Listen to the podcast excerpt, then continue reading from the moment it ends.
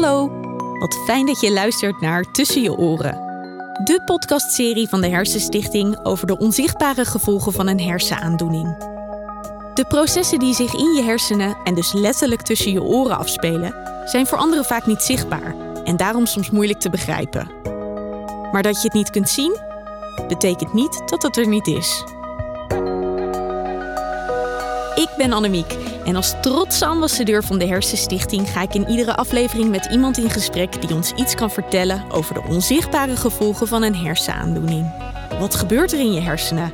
En wat voor een invloed hebben deze gevolgen op je functioneren? Dit mag dan wel letterlijk tussen je oren plaatsvinden, maar zit zeker niet figuurlijk tussen je oren. Tegenover mij zit Erik Scherder. Ik ben in de VU in Amsterdam. En um, één vraag heb je al een keer beantwoord, namelijk voor de Ommetje podcast. Ja. En ik ga hem toch een keer voor de luisteraars die dat niet gehoord hebben stellen. Namelijk, wie is Erik Scherder? Ja, wie is dat? Uh, nou, Erik is uh, hoogleraar klinische neuropsychologie aan de VU in Amsterdam. En uh, ik werk nog altijd fulltime. Ik hoefde gelukkig niet met pensioen. Dus dat heb ik ook niet gedaan. Dus ik geef veel onderwijs, een snijzaal. Ik heb nog veel promovendi. Dus ik ben heel blij dat ik hier elke dag kan zijn. Jij blijft nog wel eventjes werken, hè? Zeker. Houdt het werk jouw hersenen ook jong? Ja, zeker. Vooral de, die, de, het feit dat dingen ook moeten. Spreekt me enorm aan. Dat zegt overigens ook de literatuur. Doe dingen die moeite kosten. En uh, dat kost het, want uh, ja, ik ben gewoon om negen uur ben ik vanmorgen gewoon begonnen hier. Ik bedoel, je had ook in je bed kunnen blijven liggen een uurtje langer. Als je 70 bent. Maar nou, daar moet je echt niet aan denken gewoon. Dus ik ben niet om negen uur. Ik heb wel heel veel vergaderingen achter de rug. Het is geweldig. En uh, dat brengt mij echt door de dag. Ik ga straks naar Den Haag, Nederlandse Sportraad. Dus zo'n dag is gewoon helemaal uitgevuld. Voor het weekend liggen alweer plannen. Dus ja, zo. Positieve prikkels. Zeker. Wat betekenen jouw hersenen voor jou? Nou ja, goed, eigenlijk alles. Het is natuurlijk en uh, inmiddels duidelijk dat het een groot bezit is voor iedereen. Wat me altijd diep raakt is dat voor mensen met een klein letsel vaak hele grote gevolgen geeft. Dat is typisch iets wat zich afspeelt in het centraal zenuwstelsel. Het is ook een verwondering eigenlijk dat het gewoon gemiddeld genomen 80 jaar of 85 jaar gewoon goed gaat. Wonderlijk hè? Ja, wonderlijk. Maar helaas niet voor iedereen. En de gevolgen zijn echt met een grote impact voor de persoon en ook voor de omgeving van die persoon. En vaak langjarig, heel langdurig ook. Nou, daar gaan we het volgens mij ook over hebben. Maar aan alle kanten is het een, is het een wonder van een orgaan. Maar oh wee, als er wat misgaat, hoe ernstig zijn dan vaak de gevolgen voor je dagelijks functioneren? Ja, daar hou jij je inderdaad uitgebreid mee Ja. bezig. We gaan het vandaag specifiek over prikkels hebben. Vertel eens, zo te horen heb jij prikkels wel nodig.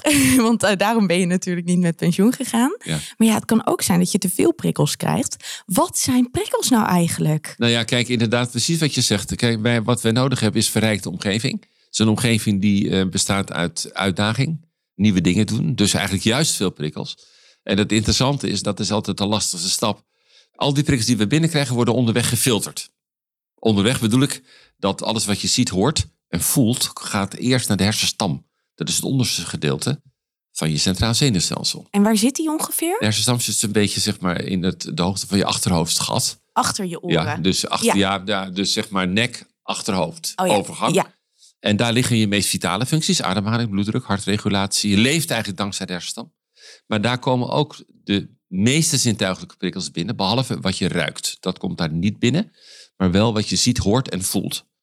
Maar alles wat daar binnenkomt, gaat niet rechtstreeks door naar je schors. Het komt eerst binnen de hersenstam. En daar vindt al op weg naar de schors. De schors is niet alleen over de buitenste laag, maar die zit ook aan de binnenkant.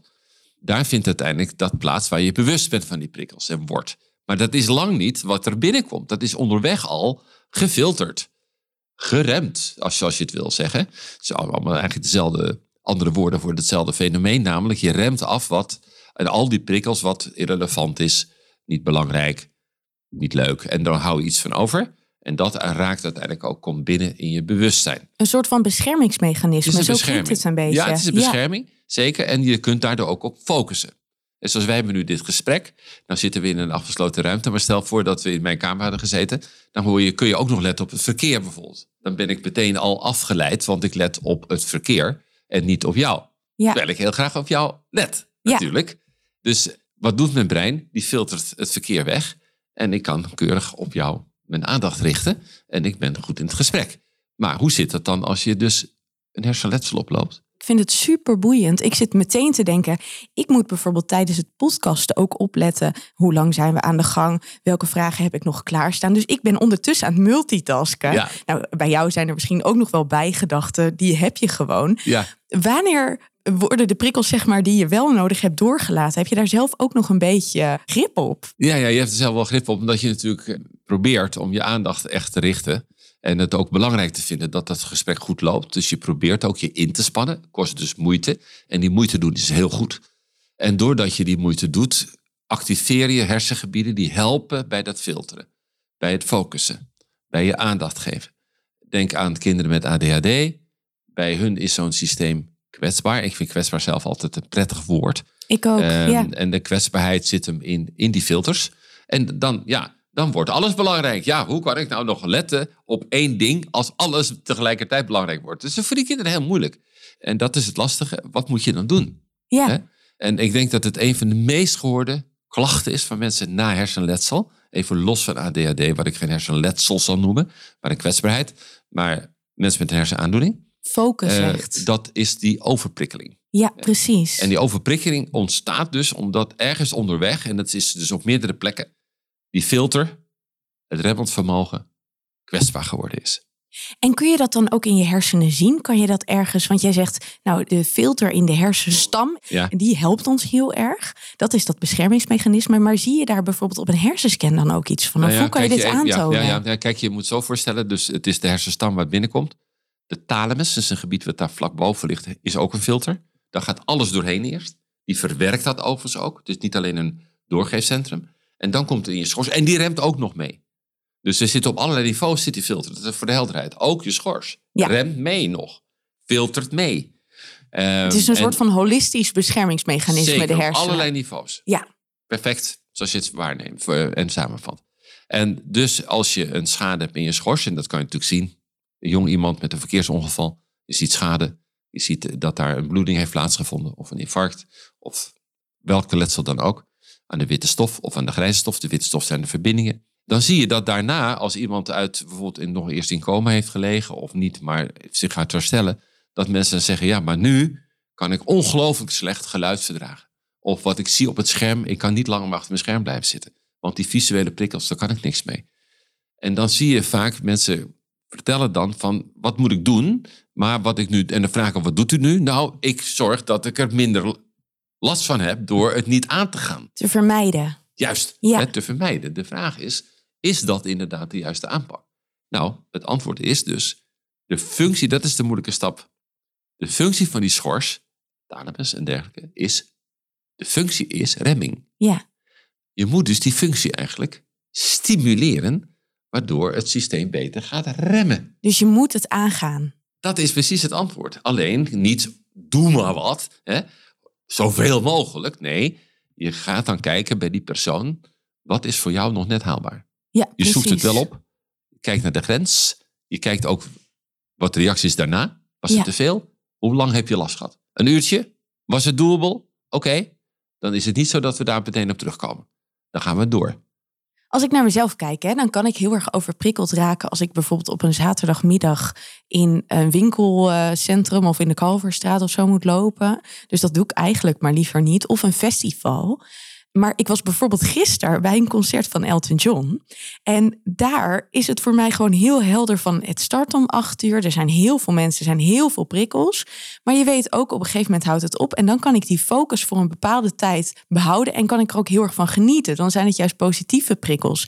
Maar ik heb het gevoel dat het, als het dan gaat over iets wat minder duidelijk is waar een begin en een eind aan zit, dat het dan mij te veel wordt. Is dat verklaarbaar? Nou, ik denk wel dat als ik het zo beetje losjes zou mogen interpreteren, hè, Ja, tuurlijk. eh, dan eh, is de structuur voor jou van belang. Hè? Dus, Ja. dus de, er wordt structuur geboden. Dat is overigens iets wat ook een hersenfunctie is. En, en dat kan onder allerlei omstandigheden best eens wat kwetsbaar zijn. Waarin je de structuur zelf moeilijker in kan leggen. Dan is het fijn als de omgeving de structuur biedt. Wat jij filmt bij Elton John, is het begin en eind. Je weet, ik doe het voor twee uur. Hij zit daar, hij zingt en, enzovoorts. Terwijl misschien bij die festivals is het super open. Je komt gaan en- en komen wanneer je maar wil. En je kunt over het hele terrein zwerven. En weet ik wat. Dus dat kan een rol spelen. Ja, dat kan ik me goed voorstellen. Ben jij wel eens overprikkeld, Erik? Nee, eigenlijk niet. Nooit geweest, denk je? Nee? Nou, ik kan me ontzettend goed. Ik heb al wel getraind in. eh, ik heb een zekere dwangmatigheid in de zin dat ik elke minuut wel denk.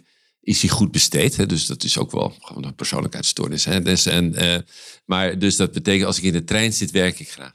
Maar dan moet ik wel niets aantrekken van al dat gedoe eromheen. Ik ga niet in de stiltecoupé zitten, maar ik ga gewoon in de trein zitten. En ik kan supergoed werken. Dus ik heb me ook wel getraind daarin om het af te sluiten, om goed af te remmen. En, eh, dus ik heb er helemaal niet zo snel last van. Wat fijn zeg. Ja, Want- ja, sorry, Ja. sorry. Eigenlijk had ik het milder moeten brengen. Hè? Maar nee dat joh, je dus ik denk dat iedereen die luistert alleen maar blij voor je is dat je dat niet Nou ja, ervaart. het, het, het interessante is dus dat je nu na de afgelopen periode vaak veel meer jonge mensen ook hoort van het is me te veel. Want ik heb nu toch een tijd lang thuis gezeten hè, door de omstandigheden van COVID. En nu hè, is het verklaarbaar. Ja, het is best wel verklaarbaar. We maken er niet een groot punt van. En zoek het vooral op dus. Toch gewoon gaan. Eigenlijk wel, maar doe het wel zo dat je er niet dagen ziek van bent. Maar niet dat je het gaat vermijden. Want het brein heeft juist die stimulans nodig om de functie, dat heb ik, heb, dat vond je wel helder hè, om de functie weer terug te krijgen. Ja, precies. En dat zeg ik ook echt met liefde en respect tegen mensen met hersenaandoeningen. Zorg dat u het traint. Want het is dus eigenlijk niet anders als je een hersenaandoening hebt. Dan is het misschien de proportie, kan ik me voorstellen, Exact. iets minder groot. Maar in principe moeten zij dus ook trainen. Dat is ook vaak onderdeel van het revalidatieproces, Heel, toch? helemaal goed. Ja. Dus iemand belt en zegt: Erik, ik kan moeilijk lezen. Wat vind jij? Dan zeg ik: En? Leest u dan nu? Nee, want ik vind het heel moeilijk om te lezen. Ik zeg, kijk, het komt niet uit zichzelf terug. Dus ja, u moet lezen. En mensen bellen en zeggen: Ik spreek moeilijk. Wat moet ik doen? Gaat u veel spreken? Maar dat is moeilijk, eh, precies. En dus dat moeite doen, dat geldt eigenlijk voor alles. Het is een beetje algemeen, maar het is eigenlijk heel specifiek. En iedereen moet voor zichzelf kijken en anders de hulp zoeken en krijgen ook. Hè? Vooral de support is belangrijk. Zoek uw grenzen weer op. Nou, dat is mooi dat je dat zegt. Want in de derde aflevering interview ik Vigro Waas. Die heeft een herseninfarct Ja. gehad. Het heeft bij hem heel erg op zijn spraak is het geslagen. Maar die heeft zo geoefend. Dat is echt dat je, je hoort het nog wel, maar je hoort het echt niet heel Mhm. duidelijk. Het is echt heel knap hoe hij dat terug eh, heeft weten te ontwikkelen. Ja. En dat is dus echt training. Ja, dat, dat- ik ben he- heel blij dat je dit zegt. Want nu eh, maak ik misschien toch nog de fout. Nou lijkt het er dus op, zoals ik het zeg, dat alleen maar trainen alles oplost. Nee. Het is ook dus- geluk hebben, hè? Het is zeker geluk hebben. Het, is, het hangt af van de plek, de aard van het letsel, enzovoort, enzovoort. Er zijn heel veel mensen die heel hard trainen en uiteindelijk dat niet halen. Dus je zou iedereen tekort doen om te zeggen, nou, u heeft nog dit of dat. Had u maar harder moeten trainen. Nee, nee, nee, nee. Ik zit mijn hele leven in degradatie en dus ik weet dat. Dat is echt onzin. Dus ik hoop niet dat mensen dat zo interpreteren. Heb ik dat meteen gecorrigeerd. Heel goed. En, en, maar het neemt niet weg dat als mensen zeggen: Erik, ik heb last van geluid en dus doe ik het niet. Dan zeg ik: nee, nee, nee. Dan gaan we samen kijken. Waar zou voor u de grens kunnen liggen? Eigenlijk wat je dan zegt is, het is altijd maatwerk. Bij iedereen kijken, wat is nodig? Perfect, helemaal goed. En je noemde het al heel eventjes, kijken wat de omgeving kan doen. Wat kan een omgeving nou doen voor iemand die dus heel snel overprikkeld raakt? Of misschien Ja. niet he- heel snel, maar als iemand overprikkeld is, wat kun je dan doen? Ja, nou inderdaad, samen kijken dus van wat, wat was nou de uitlokkende factor? Hebben we gezien, nou hoeveel tijd trad het op? Was het er vijf minuten, een half uur? En kunnen we die tijd misschien wat op gaan rekken? Dus je hebt er nu mee gestopt, begrijpelijk allemaal. De omgeving denkt en kijkt mee. En, maar we gaan de volgende keer toch doen. En dan kijken we of we naar 35 minuten kunnen krijgen. Dus de support is enorm belangrijk. En natuurlijk ook dat mensen zeggen van, maar ik wil herkenning. Nou, dat is belangrijk. Dat je echt zegt, ik snap dat u dat heeft. En het is terecht dat u dat heeft. Maar dat neemt niet weg dat we natuurlijk een plan kunnen maken. Om te kijken waar we eventueel nog wat winst kunnen halen. Hè? Er is een plafond, dat weten we. Hoe hard je ook traint, maar laten we het wel proberen. En daar is die omgeving enorm belangrijk voor de support. De doorlopende support. Ja, we weten dat, dat de persoon die het overkomt primair leidt, maar ook de omgeving. Ja, Dus die- zeker. die- het kan heel zwaar zijn. Zeker. Ik weet dat nog van de podcast eh, met Margot Ros en Jeroen Kleine. Jeroen is dan de partner van Margot. Ja. En dat is zo'n rasoptimist dat hij het ook echt. Die heeft zo'n support gegeven aan Margot, wat super mooi en super knap is. Ja, Neemt niet weg dat het voor sommige mensen inderdaad heel zwaar kan zijn. zeker. Maar het is heel mooi wat jij zegt van ja, de basis zit hem toch in blijven supporten, blijven stimuleren. En natuurlijk ook denk ik wel af en toe wat rust geven als iemand echt zegt ik trek het niet meer. Want die grens, dat vind ik ook heel uh, ja, belangrijk om te zeggen. Die grens die moet ook gerespecteerd worden. Exact dat. En, en, en de erkenning voor onzichtbare gevolgen van hersenletsel. Want daar praten we toch over. Je ziet het niet aan iemand. En je denkt waarom kun je nou niet werken? Of waarom stop je er zo snel mee? En dat soort dingen hoor je vaak. Omdat je onderschat wat overprikkeldheid betekent. En dus die onzichtbare gevolgen. Het is heel mooi dat je daar eigenlijk deze podcast aan besteedt. Omdat dat is ontzettend frustrerend. Dat mensen denken, maar dit is mijn handicap. Alleen je ziet niet dat het anders loopt nu, want dat is, heeft zich allemaal hersteld. Of was het misschien nooit beschadigd, weet ik veel. Maar in ieder geval, onzichtbare gevolgen zijn echt serieus te nemen. Ja, en dat is ook het lastige, hè? want dat, dat merk ik bij mezelf. Ik wil het niet vergelijken met, met iemand die hersenschade heeft en dus bijvoorbeeld een concentratieprobleem heeft. Maar ja, ik heb natuurlijk ook dat je aan mij niet kan zien wanneer ik me wel goed of niet in mijn vel zit. Exact. En op het moment dat ik echt een depressie heb, dan moet ik dat zelf aangeven, want niemand kan het zien. Niemand kan voelen wat ik op dat moment voel. Maar dat vind ik ook het moeilijkste van alles, want dan merk ik echt op dat moment van, mhm. ja, straks neemt iemand het niet serieus en dat is mhm. toch een soort van angst die je altijd bij je draagt. Absoluut, ja. En juist met die stemmingsproblematiek, omdat je het niet ziet, maar je moet het echt heel serieus nemen. Ja. jij, jij weet natuurlijk, zoals geen ander, hoe ernstig het is en kan zijn. En hoe zwaar het is. En hoe zwaar het is. En voor de omgeving. En dus ja, uh, ik deel helemaal je gevoel. Uh, dat hoe meer aandacht er en begrip en ook erkenning daarvoor is, super belangrijk. Ik wil voordat wij gaan afsluiten, want dan gaan we het nog heel eventjes over begrip en onbegrip hebben. Maar ik wil voordat we gaan afsluiten nog heel even terug naar iets wat je eerder zei. En dat is namelijk van uh, rondom de lockdown. Uh, nou ja, kan het zijn dat we weer allemaal wat meer moeten wennen aan prikkels nu we eruit zijn. Maar überhaupt, ik ben heel erg benieuwd. Je hoort heel vaak dat mijn generatie, toch de millennials en de generatie Z die daarna komt, dat die meer prikkels in het algemeen ervaren dan bijvoorbeeld jouw generatie. Klopt dat? Of is dit een mythe? Ja, ja, goede vraag. Ik moet zeggen, ik zou echt nog moeten duiken in de literatuur om te kijken of daar studies naar zijn gedaan. Dus ik kan daar niet zomaar ja of nee op zeggen. Dat kan je natuurlijk als wetenschapper ook moeilijk, want je wil het eerst lezen ergens. Het is wel zo, denk ik, dat het in de volksmond wat makkelijker nu wel wordt gezegd van ja, maar we hebben ook zo'n tijd nu thuis gezeten en stilgezeten. En het is ook wel allemaal heel veel. Ik zeg dan toch vaak terug, realiseert u zich eens wat u doet als u in een isoleercel zou zitten. Oh, dus als je het brein helemaal depriveert, dus er geen prikkels geeft, hè, wat gaan we doen? We gaan hallucineren. En je gaat schreeuwen. En waarom ga je schreeuwen? Omdat als je schreeuwt, hoor je jezelf en je weet, ik leef nog. Dus het centraal zenuwstelsel, die hersenen, kunnen niet zonder prikkels. Dus neem dat alsjeblieft mee in die gedachte hè, van, ja, misschien moet het allemaal wel kalm aan, want anders is het allemaal te veel, te snel. Hè?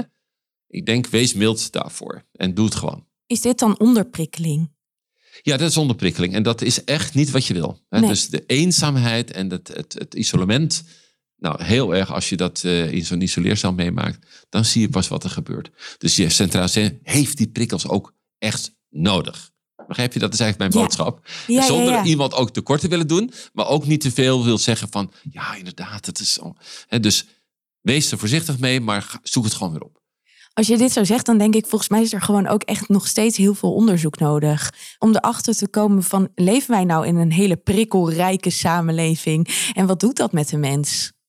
Ja, aan de andere kant, ja, dat is dat denk ik dat ik het met je eens ben. Omdat natuurlijk na COVID-19, dat hebben we niet eerder meegemaakt. Dus ik denk dat je daar zeker nog. Uh, maar ik bedoel ook de telefoons, de social media, alles. Ja. Eh, ik heb het idee dat, dat dat is natuurlijk ook wat er altijd gezegd wordt. Dat mijn generatie in een hele prikkelrijke samenleving opgroeit. Maar ja, ja ik weet niet hoe het was. Uh, nee. Wat is het, 30 jaar? Maar dan vraag ik, doe ik een vraagje terug aan jou. Ja. Heeft het je verrast dat eigenlijk nu het allemaal weer kan? We eigenlijk ook massaal weer gewoon naar die festivals en naar terrasjes. En, en naar Elton John. En naar Elton John gaan. Dus mijn vraag dan terug. Nee, eigenlijk niet. Nee. Zou je dan uit dat, als je die ervaring, als je het om je heen ziet, denk je dan, ja, inderdaad, we hebben heel veel tijd nodig om weer naar ons oude leven terug te komen. Sterker nog, ik merk dat ik het heel erg opzoek. Ik werk veel in theater, dus ik heb twee jaar heel weinig kunnen werken. Ik merk dus dat de prikkels die het theater mij geven, elke dag is anders. En je gaat elke dag naar een andere locatie als ik aan het toeren ben. Dat dat iets heel positiefs met mij doet. Dat brengt mij heel erg veel. En ja, dan kan ik ook heel moe worden. En dan kan ik ook momenten hebben dat ik wat korter af ben dan anders. Maar het is echt wat ik nodig heb. En dat heb ik ervaren. En ik denk dat ik nu, nou ja, een festival zoek ik gewoon niet op. Want daar, word ik gewoon echt niet gelukkig van. Daar krijg ik niet genoeg positieve prikkels van. Maar bijvoorbeeld zijn Elton John, daarvan dacht ik nu echt, dit is zijn afscheidstoer. Ja ik ga die man nooit meer zien. Daar moet ik heen, ongeacht de prikkels. En wat heb ik ervan genoten. Dus Oh ja, ik ben leuk. juist heel erg van de andere Tot aan kant. het eind toe. Ja, echt Ah, tot oh. aan het eind toe. Ik heb echt eh, in de auto naar huis nog steeds muziek heel hard op gehad. Nou ja, het is wel Ja. leuk dat je dat vertelt, omdat dat ook een beetje het antwoord is op die vraag. Ja, precies. Ik ben heel erg benieuwd. We hebben het er al over gehad. Dat er onbegrip kan zijn. En dat het dus heel belangrijk is dat je van iemand aanneemt wat de grenzen zijn. En, en ook juist af en toe stimuleert waar nodig. Maar wat zou jij nou zeggen tegen de mensen die zeggen: Ach, maar iets als overprikkeling, dat eh, zit toch gewoon tussen je oren? Ja, ja, dan zou ik tegen willen zeggen dat klopt, maar dan op een andere manier. Hè? Want het brein zit helemaal tussen je oor. Heel graag zou ik willen zeggen van verdiept zich iets meer in eh, hersenaandoeningen in het algemeen. Eén op de vier Nederlanders heeft een hersenaandoening.